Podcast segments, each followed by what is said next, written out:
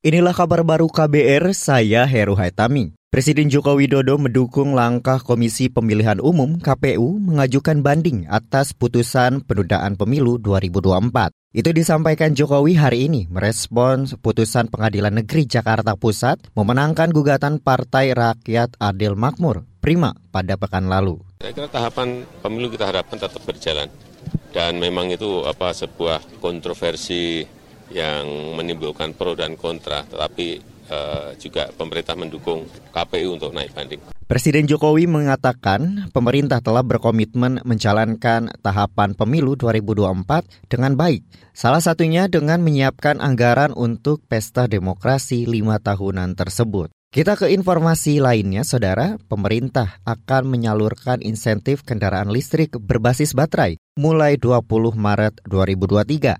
Menteri Koordinator Bidang Kemaritiman dan Investasi Menko Marves Luhut Binsar Panjaitan mengatakan insentif diberikan untuk membangun ekosistem dan pasar kendaraan listrik. Total anggaran saya kira nanti sampai jalan dihitung. Kemudian kami juga sudah koordinasi dengan DPR, dengan Banggar, karena mereka belum masuk kepada sidang, tapi sudah kami koordinasikan dan dari DPR sudah tidak juga ada masalah. Jadi kita semua holistik menyelesaikan ini. Nanti akan kita keluarkan detail tertulis sebelum tanggal 20. Itu tadi Menko Marves Luhut Binsar Panjaitan. Sementara itu, Kepala Badan Kebijakan Fiskal BKF Kementerian Keuangan Febrio Nathan Kacaribu mengatakan besaran insentif 7 juta rupiah untuk pembelian motor baru atau motor konversi. Di tahun ini insentif akan diberikan untuk 200 ribu unit pembelian motor listrik dan 50 ribu unit untuk motor konversi.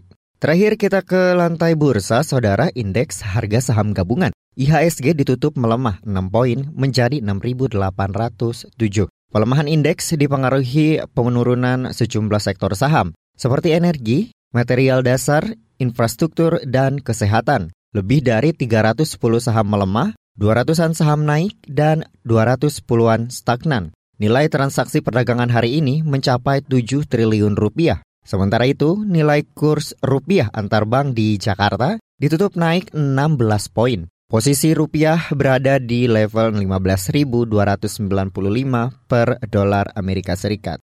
Demikian kabar baru dari KBR, saya Heru Hetami, salam.